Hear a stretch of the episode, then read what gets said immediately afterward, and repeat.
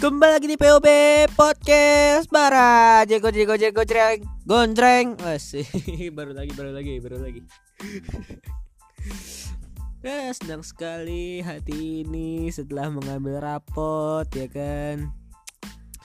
Uh perasaannya tuh gila. Aduh. Seneng bro seneng. Naik kelas gue Sudah tidak terbayang gitu banyak kejadian-kejadian yang kocak di saat gua ngambil rapot ketika yaitu pertama ngambil rapot bukannya pada panik semua pucat kagak mau ngobrol. Itu lucu sih anjing. Ini kan temen gue di samping gitu mamanya gitu. Nah terus emaknya pergi ke eh lagi ke toilet atau ke mana gitu. Terus gue duduk sampingnya dia. Terus gue bangun bro hmm, gitu doang aja jawabnya. Kayaknya panik banget itu ya. Kayak cuman bro. Hmm. mukanya tuh gitu. Gimana sih? Aduh. Lucu tau. Ya terus gua uh, eh ini ini, ini gue denger nih ya dari ini kan mama kan lagi gosip gitu ya. Bukan lagi gosip sih lagi ngobrol gitu sama ibu-ibu yang lain lagi ngobrol selain ketemu gitu misal. Buku di sini nggak ada nggak ada ranking ya? Dia bilang gitu dia nanya. Buku di sini nggak ada ranking ya? Au biasanya anak saya ranking 10 ke atas eh apa biasa anak saya ranking 10 besar. Anaknya jawab enggak kok pak aku nggak pernah ranking 10 besar. Aduh kakak gua. Itu lucu sih anjir Emaknya udah ketahuan bohong. Ini si anjing kalau jadi emaknya tuh gitu kali ya. Ini si anjing pakai ngaku lagi bangsat. lucu si anjir lucu. Biasanya anak saya 10 besar. Enggak kok mah aku nggak pernah dapat ranking 10 besar. Aduh, emaknya langsung langsung gimana gitu gue yakin. Anjir gue pengen ketawa itu sumpah dah. Tapi gue nahan gitu. Depan mama Gue ketawa ditabokin gue Mamanya tambah malu. Eh mungkin pembahasan gue bukan itu. Pembahasan gue ini tentang Orang-orang kampung Orang-orang jauh Ini tentang mbah gue yang dibilang bisa dibilang kampung tapi sakti gitu. Ya bokap gue adalah eh bokap gue adalah anak dari kakek gue ya bener lah. Yang bernama kakek Sugino. Kakek Su Akung ya gue panggil Akung. Akung Sugino ini punya bapak namanya bapak uh, namanya Mbah Suikromo yang udah meninggal di Jawa. Nah, kakek uh, akung gue ini lahir pada tahun 1948 buset. itu itu masih paling kakek eh, apa akung gue tuh mungkin pas lagi 13 tahun lagi remaja-remaja ya gebetannya sama apa sama Belanda-Belanda wah dari noni Belanda wah. Gebetannya ada bule bre. Ya, gila 1948 itu lima tiga tahun setelah merdeka ya Allah. Merdekanya aja yang udah jelas tuh 1955 apa? Ya kalau nggak salah sih 1955 kalau nggak salah deh. Kemerdekaan yang asli ya kemerdekaan yang udah bener-bener fix gak ada Belanda lagi gitu akun gue masih merasakan dengan yo allah orang-orang Belanda gitu. Gue nggak kebayang aja akun gue beli ke warung gitu ya ke warung gitu. Terus ada warkop gitu yang duduk. No apa namanya? Bule-bule Belanda nih ya kan terus juga gue nggak pernah kepikiran kalau misalnya orang Belanda jadi kuli terus yang cewek-cewek Indonesia digodain. Wah kan kalau sekarang kan gitu ya? Kuli-kuli godain cewek gitu. Neng? Yeah. kalau dulu kagak. Kiu, gitu. Oh cewek langsung mau? Eh, mana tahu. Ya bule gitu. Barang siapa yang tidak mau dengan bule ini 1948 kakek gue tuh lahir gitu. Nah ini apalagi mbah gua gitu mbah Swikromo yang 1940 nggak tahu udah 19 berapa gitu mbah Swikromo gue juga nggak pernah ketemu. Ya iyalah bener lah. Susah lah ketemu mbah Swikromo karena mbah Swikromo itu udah tua banget lah. Gila. Tapi ada nenek buyut dari ibu gua. Ibu gua punya keluarga nah dari keluarga itu gue punya buyut namanya lupa gua. Nggak tahu pokoknya gue panggilnya uyut aja uyut.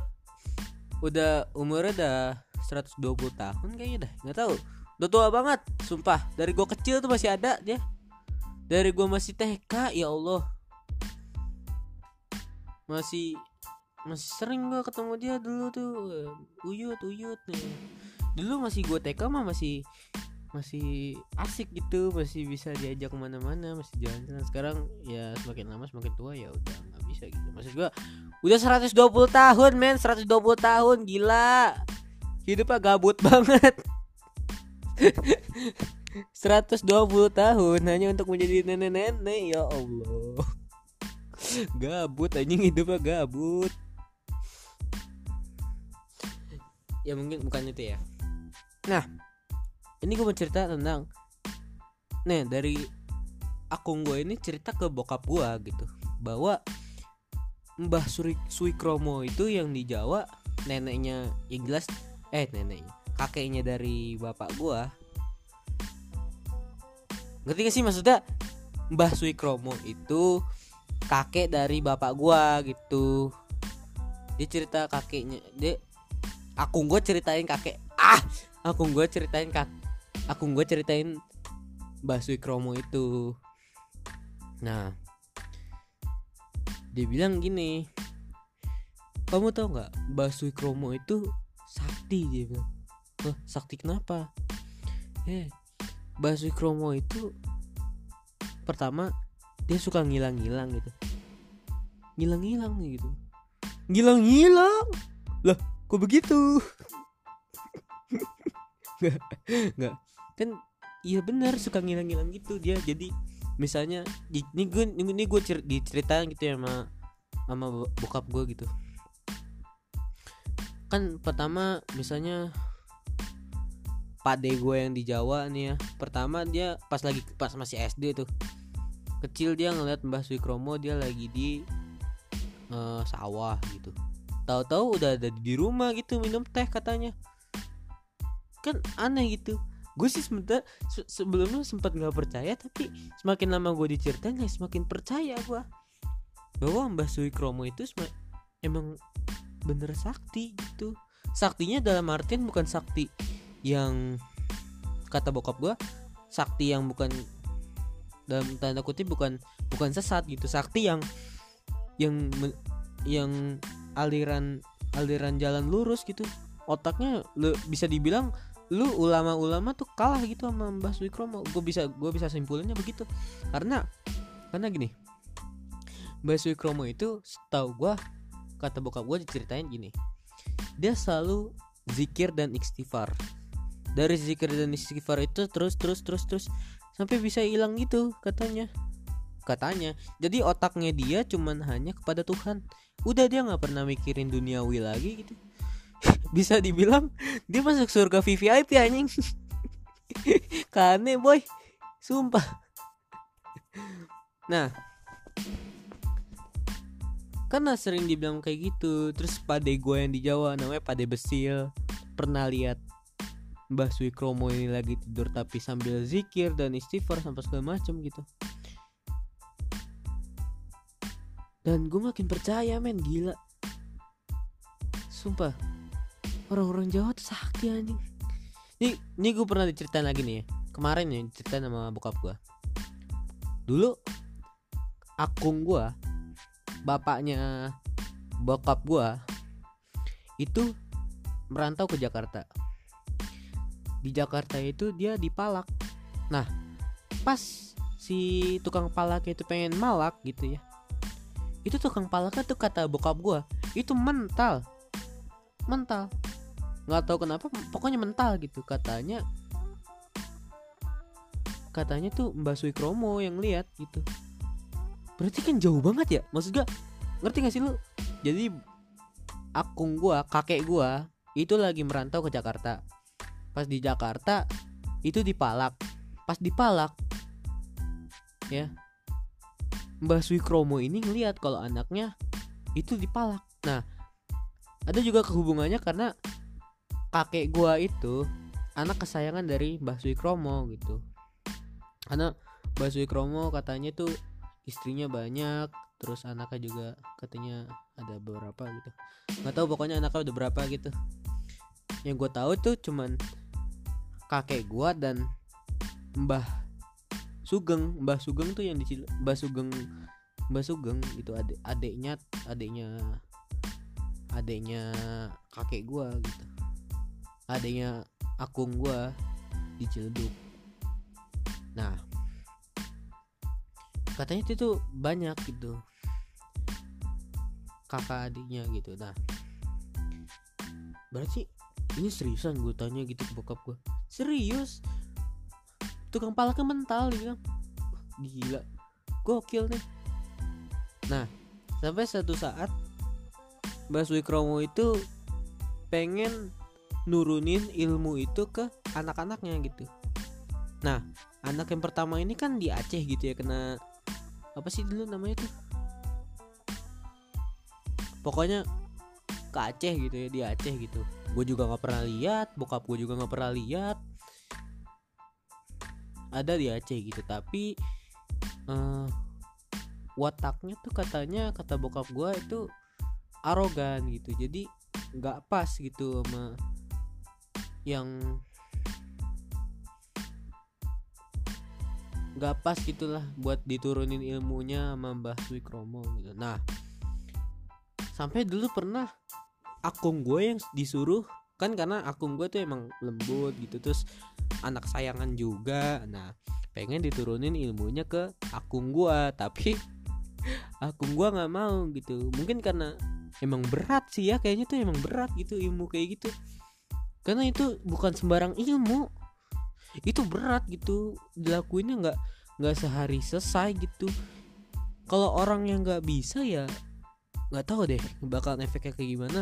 Tapi kata bokap gua itu ilmu tuh emang emang emang itu ya, emang emang berat gitu. Itu ilmu emang berat. Makanya kakek gua nggak mau ngambil ilmu itu gitu akung gua nggak mau ngambil itu.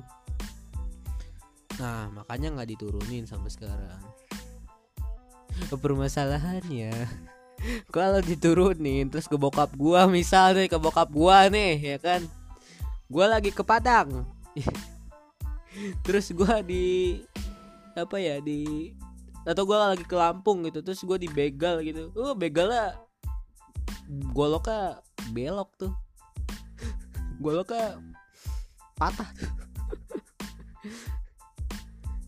Tapi emang kayaknya emang untuk tahun segitu sih emang gue percaya gitu tahun-tahun waduh tahun-tahun zaman dinosaurus gitu pas Wikromo kayak tuh dulu apa kayaknya ternak apa namanya ternak hiu hiu megalodon gitu nggak nggak nggak. Nah kayaknya tuh emang emang kalau dibilang sakti sih bisa dibilang sakti tapi tapi berwujudnya emang manusia gitu otaknya hanya untuk Tuhan Tuhan Tuhan dan dan itu emang berat sih gue yakin tuh berat emang. Gak sembarang orang yang bisa itu nah bokap gue aja lahir eh kakek gue ya lahir 1948 buset dah. Tiga hari setelah eh tiga tahun setelah merdeka bro apalagi mbah Suikromo anjir. Lahir di zaman pangeran Charles. Enggak enggak enggak. Tapi untuk kayak gitu sih mungkin gue percaya gitu ya. Untuk yang hal-hal sakti gitu mungkin gue percaya. Tapi gue masih masih gimana ya rasanya anjir ini beneran apa ya? Bisa sampai segitunya gitu masa ya? Di Jakarta nih di Jakarta nih akun gue di Jakarta nih lagi merantau nih di Palak. Terus Mbak Suikromo di Jawa tukang palaknya bisa mental kok bisa gitu? Kok bisa? Ya Allah kok bisa gitu? Hebat banget emang Mbak Kromo emang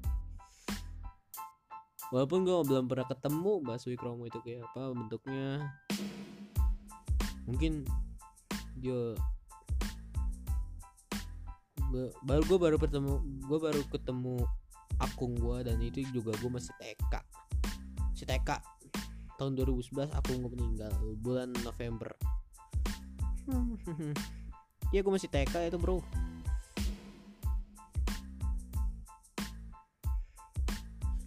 Tapi gue baru Gue juga baru diceritainnya tuh pas Baru-baru ini Pas SD kelas 6 atau SMP kelas 7 Baru diceritain dan Berarti gue memiliki aliran sakti dong anjir.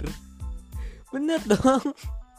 Gila berarti gue bisa wah gila. Nanti kalau bisa gue jadi Mbak Kromo nih ya wah ngilang-ngilang wah. Pas ngasih duit THR ya kan. Mbak mbak THR dong mbak oh iki iki ngilang wah mbak gimana mbak wah nyong di sini kok nyong sih nyong kan bahasa tegal aku di sini Mbak, mbak, mbak, minta THR. Weh, hilang lagi. Wah, sampai jam 12 malam tuh anjing. Sampai ribet tuh sampai sampai ngilang-ngilang, ngilang-ngilang anaknya uh, hilang satu. Ini mau ngambil THR aja udah kayak main di film-film anjir hilang-hilang satu gitu. Tapi ya dan cuma pade besil doang tuh yang di yang di Jawa yang pernah lihat kalau Mbah Suikromo itu emang suka ngilang-ngilang dan sakti gitu. Nah, akung gue cuma bisa cuma ngerasain yang was yang pas itu doang tuh yang di Jakarta di Palak udah gitu doang gue yakin kayaknya gitu. Bokap gue yang nggak pernah lihat Mbah Suikromo terbang-terbang gitu atau eh terbang-terbang ngilang-ngilang gitu. Tapi untuk gila sih ya menarik tau nih sumpah tapi emang berat kayaknya ya anjir gila gue punya turunan sakti men woi gue baru sadar woi woi gila woi. Woi. Gila gue punya turunan sakti bro bro. Tapi nggak diturunin. Unik unik. Ya itu emang kisah bisa dibilang itu kisah Jawa ya. Kisah tanah Jawa. Emang orang Jawa ya banyak lah begitu. Mungkin itu dibilang bisa dibilang wajar juga. Tapi untuk ngilang-ngilang itu kayaknya gue baru merasakan yang baru anjir. Gue kalau ngilang-ngilang oke okay lah kayak misalnya cuma nonton di film-film gitu. Ah ngilang ini pasti udah pakai ini wah gila lo tanpa basui kromo aja tanpa pakai alat kan kalau misalnya apa ya si siapa ke yang yang bisa ngilang tuh kan biasa pada pakai alat tuh di gaspernya gitu dipencet. Dipencet terus ngilang berkamuflase gitu. Eh iya berkamuflase terus ya kan? Mbak Sui Kromo cuma menyebut istighfar saja sudah hilang, woi. Sudah hilang tahu di sawah. Wah eh saya di sini. Gila. Gila gila. Hebat hebat. Gak nyangka gue gue punya turunan sakti tapi emang kayaknya tuh emang otaknya dia hanya kepada Tuhan doang emang. Gak memikirkan dunia lagi dan gak memikirkan rasanya tuh ah apa sih ini dunia? Dunia tuh kayak cuma wadah hidupnya doang gitu nah.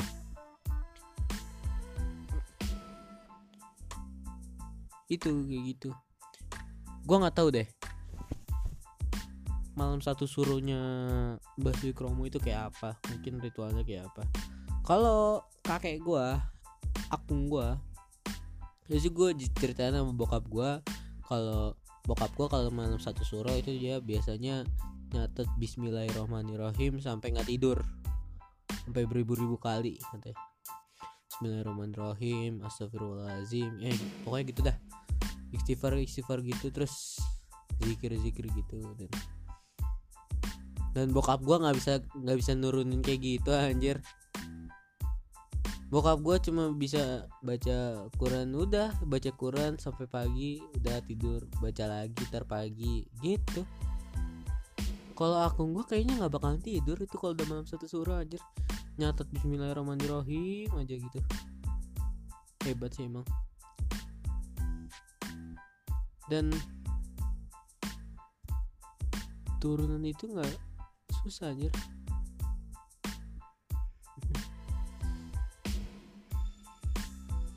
bokap gua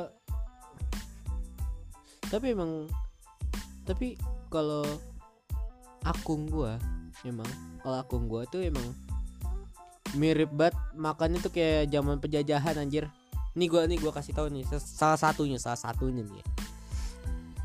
kata bokap gua akung gua kalau beli tempe dia beli tempe nih beli tempe beli tempe beli tempe belum jadi digoreng gitu nah dia tunggu dulu sampai tiga hari gitu.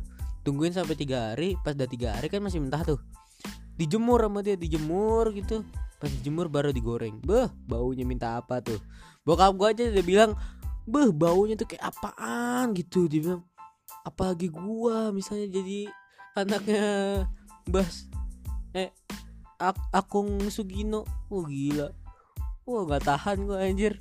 Bau tuh kayak tuh sumpah itu lu bayangin aja anjir. Tempe udah tiga hari gak udah tiga hari nih udah tiga hari. Terus dijemur digoreng gitu. Dimasukin sayur lodeh buset dah. Wah gila sayur lodeh isinya tuh. Wah buset dah butek tuh kayak tuh anjir.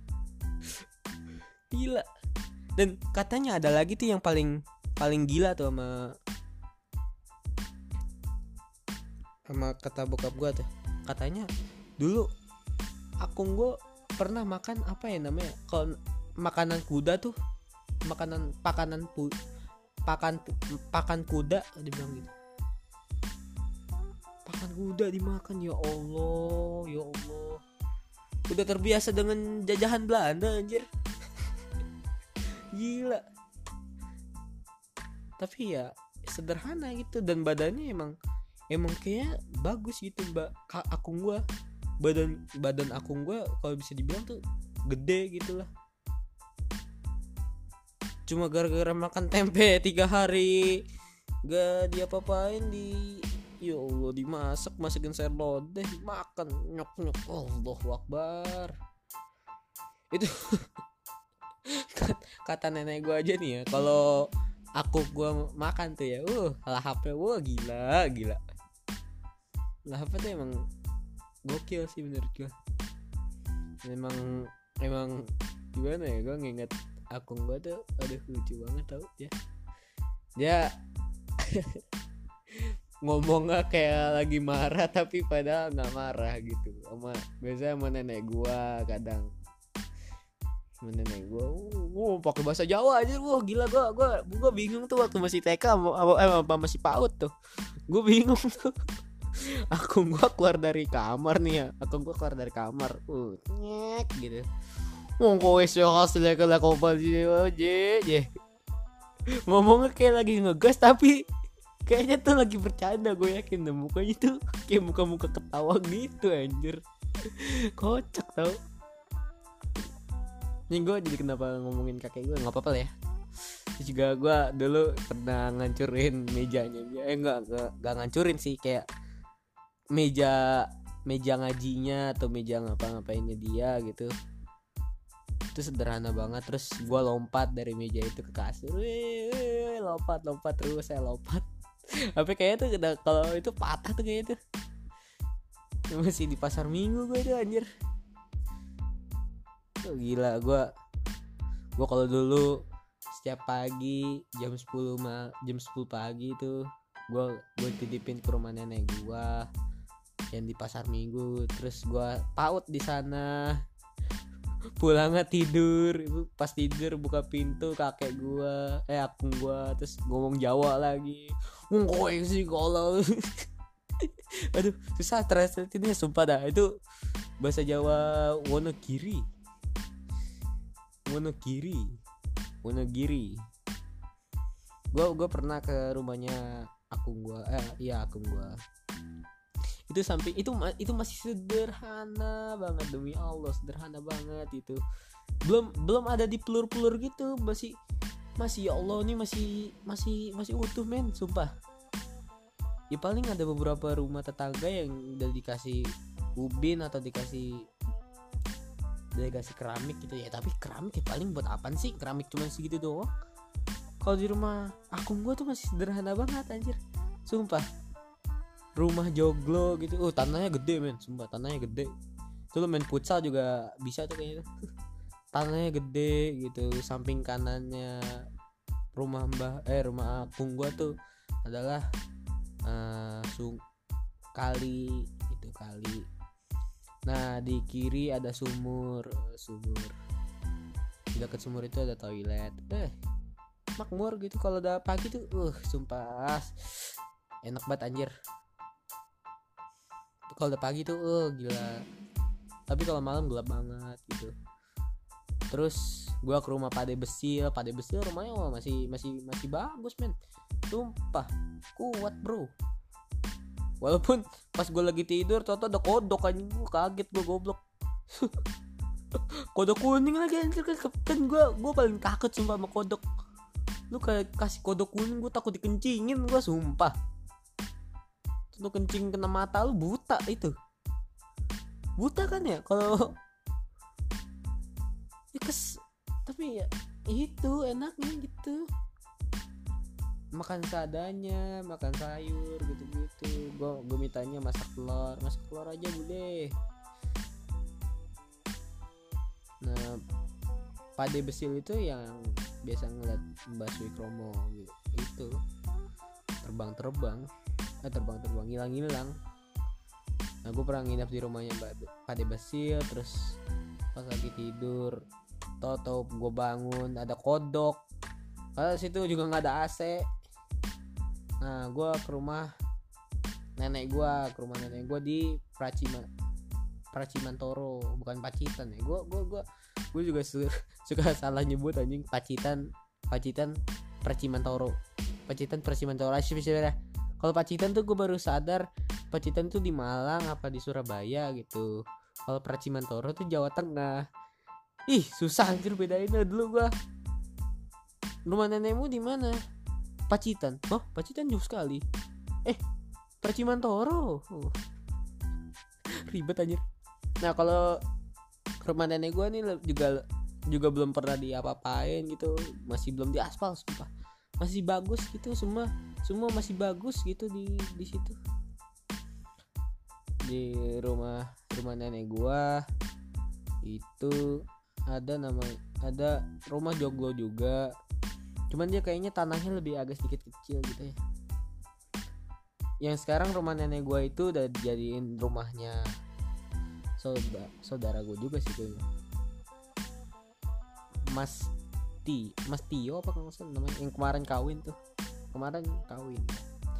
Nah di rumah joglo itu di kanannya ada kandang sapi. Wih, kandang sapi men. Gila lu kan ke lu kalau mau ngasih makan sapi aja ke farmhouse anjir.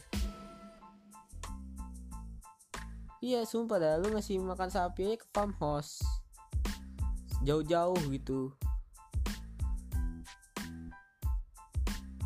sampai jauh gitu sampai ke Bandung sumpah ke Bandung. Terus lu bayar tiket cuma buat nyusuin sapi dan ngasih makan sapi gitu. Di Jawa lu Jawa rumah gue gratis men.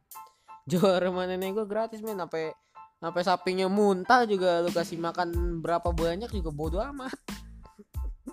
Agak peduli aja. Wah gila tuh. Dulu enak banget sumpah hidup di di Jawa itu anjir masih joglo-joglo gitu bro.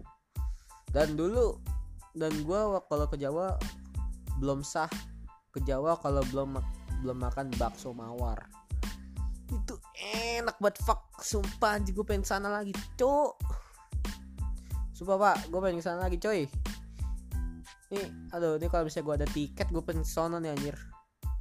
Karena kemarin mudik gue nggak sempet ke Jawa. Ya udah gue cuma ke Bandung doang udah gue pengen anjir ke Jawa.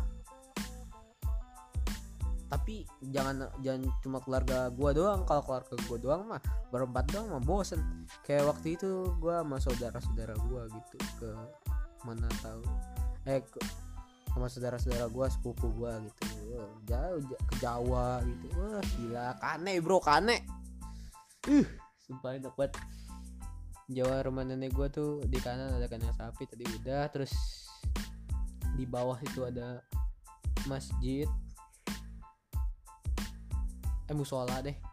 Nah di musola itu ada namanya sumur. Nah sumurnya itu katanya angker anjir. Atau angker apa gitu. Nah ciri khas dari dari Pracimantoro kalau lu pada tahu mah di kampung nenek gua. Kalau lu nggak tahu tuh namanya uh kebangetan lu bukan bukan berarti orang Pracimantoro nggak sih Pracimantoro kan banyak gitu RT RW ada RT RW sih gak sih kalau kampung tuh. Ya, pokoknya gitulah. Dusun dusun nenek gua gitu. Lu kalau ke dusun nenek gua terus lu nggak kenal bakul warna biru itu kebangetan tuh. Bakul warna biru itu udah kayak landmark dari dusun nenek gua itu. Itu udah menjadi ciri khas deso nenek gua gitu. Bakul warna biru. Warna kuning. Ora usah. Warna biru. Biru. Apaan gue nah terus di ada rumahnya Pade Pade Suyit. Nah ada pada rumah Pade Suyit. Pade Suyit juga juga seru gitu. Ada ada ada sapi eh ada sapi juga. Sapinya Pade Suyit. Tuh oh, gede-gede sapi Pade Suyit. Pade Suyit sapinya gede-gede. Deket sawah lagi deket deket sawah juga gitu. Gua gua pernah ke sawahnya. Udah sawahnya lah luas sekali. Luas luas luas. Lu tahu sawahnya di Avenger gak sih? Avenger Endgame tuh yang di Thanos Toto di sawah itu jadi petani. Ya Allah gede-gede jadi petani aja. Ungu-ungu gimana gitu ya Allah. Nah itu kayak gitu anjir gedenya sumpah. Ya mungkin bisa segede gitu. Gede banget gue tuh sampai naik naik ke atas gue sawah. Gila sawah enak banget anjir. Lagi dingin kan di situ. Agak sedikit dingin kan. Lu kalau misalnya naik ke sawah gitu jam 10-an nah itu enak banget kalau udah menjelang jam 11 uh, udah panas panas. Turun turun. Gak enak. Nah ada lagi nih yang cerita. Aku masih sebenarnya cerita. Gue juga di rumah sendiri anjir. Harus lah. Ini apaan sih? Podcast apaan sih? 33 menit 38 detik. Eh 33 ya 33 menit 38 detik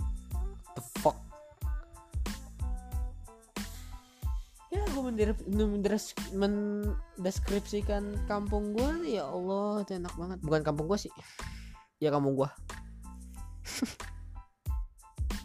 emang orang Jawa tuh aneh-aneh gitu ya. Emang sakti-sakti anjir. Tapi enak gitu sama orang Jawa gitu. Gue sama ke Jawa gue nggak pernah mikir yang aneh-aneh gitu. Dan dan dan nih yang bikin gue salut dari orang di Jawa itu di Jawa itu tenang banget tenang cuk tenang cuk. Eh gila tenang banget. Gue sumpah manggilnya juga sopan gitu. Kan eh, nama saudara gue yang di Jawa itu kan namanya siapa ya? Bentar nggak tahu pokoknya. Pokoknya dipanggil namanya gitu. Panggil namanya. Punten. Pokoknya sopan gitu sopan nggak nggak nggak pakai bahasa kalau kalau orang Surabaya biasanya pakai bahasa jancok gitu gitu. Cok cok gitu gitu cok. Kapan sih? Gitu gitu cok. Oh siapa sih? Ya pokoknya gitulah. Jancok gitu gitu nah kalau di Jawa Tengah biasanya enggak dia pakai Jawa yang slow gitu kayak moh gitu moh. Kayak misalnya eh main lagi moh. Udah nggak mau udah pengen pulang. Nah udah kalau udah bilang mau tuh udah. Nggak kayak orang Jakarta anjing. Ya gila Weh gue balik ya. Ya tar dulu weh. Bentar nih satu lagi lagi Satu lagi Satu lagi. Kagak gue pengen balik. Eh, Lu berantem sama gue anjing. Gue berantem situ. Apaan sih? Ya pokoknya Ya Allah enak banget itu Sumpah. Jawa Ya Allah Jawa ya enak. Kangen gue anjing. Orang lain pada mikir-mikirin buat balik ke Jawa gue sedangkan malas bersenang-senang gitu. Ya Allah. Ya Allah. Nah tadi seperti yang gue bilang tadi tuh hebatnya orang-orang Jawa tuh adalah ketika itu tenang banget men. Tenang gitu nggak ada berisik apa segala macam lu nih nih nih ya. Nih lu lu lu taruh motor nih di depan rumah pada besil gua gitu ya. Gua kan waktu itu iya taruh ini saudara gua kan udah bisa naik motor gitu ya. Naruh motor di depan rumahnya dia gitu depan rumahnya dia di rumah depan pada besil gitu. Nggak dikunci nggak dikunci. Ya allah nggak dikunci pak. Jauh dari halaman gitu. Nih kan ada halaman nih. Biasa kan halaman gitu gede.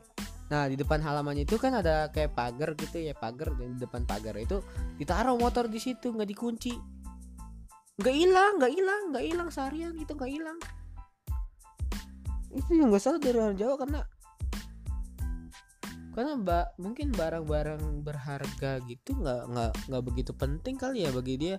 Maksud gue buat apa gitu lah buat di buat diambil juga buat apa gitu dan ya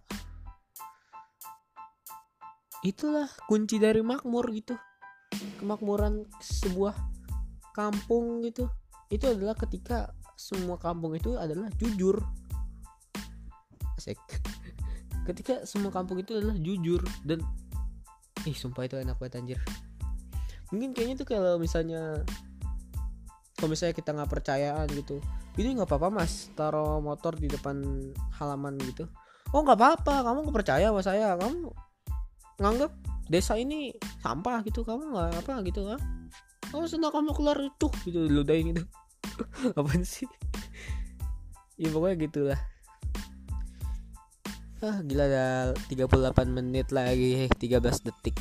Ya udah ya mungkin itu aja podcast gue kali ini tentang orang-orang kisah Jawa kisah hal kampung halaman gue yang diceritakan oleh bokap yang gue juga udah pernah ke kampung itu dan emang seru gitu. Ya sekian nama gue Bara dan anjir gue nggak gue nggak bayang gitu ya. Pas Mbak Swikromo itu ya kan? Gila ke Jakarta men ke Jakarta sampai Jakarta gitu saktinya ya Allah saktinya sampai Jakarta gila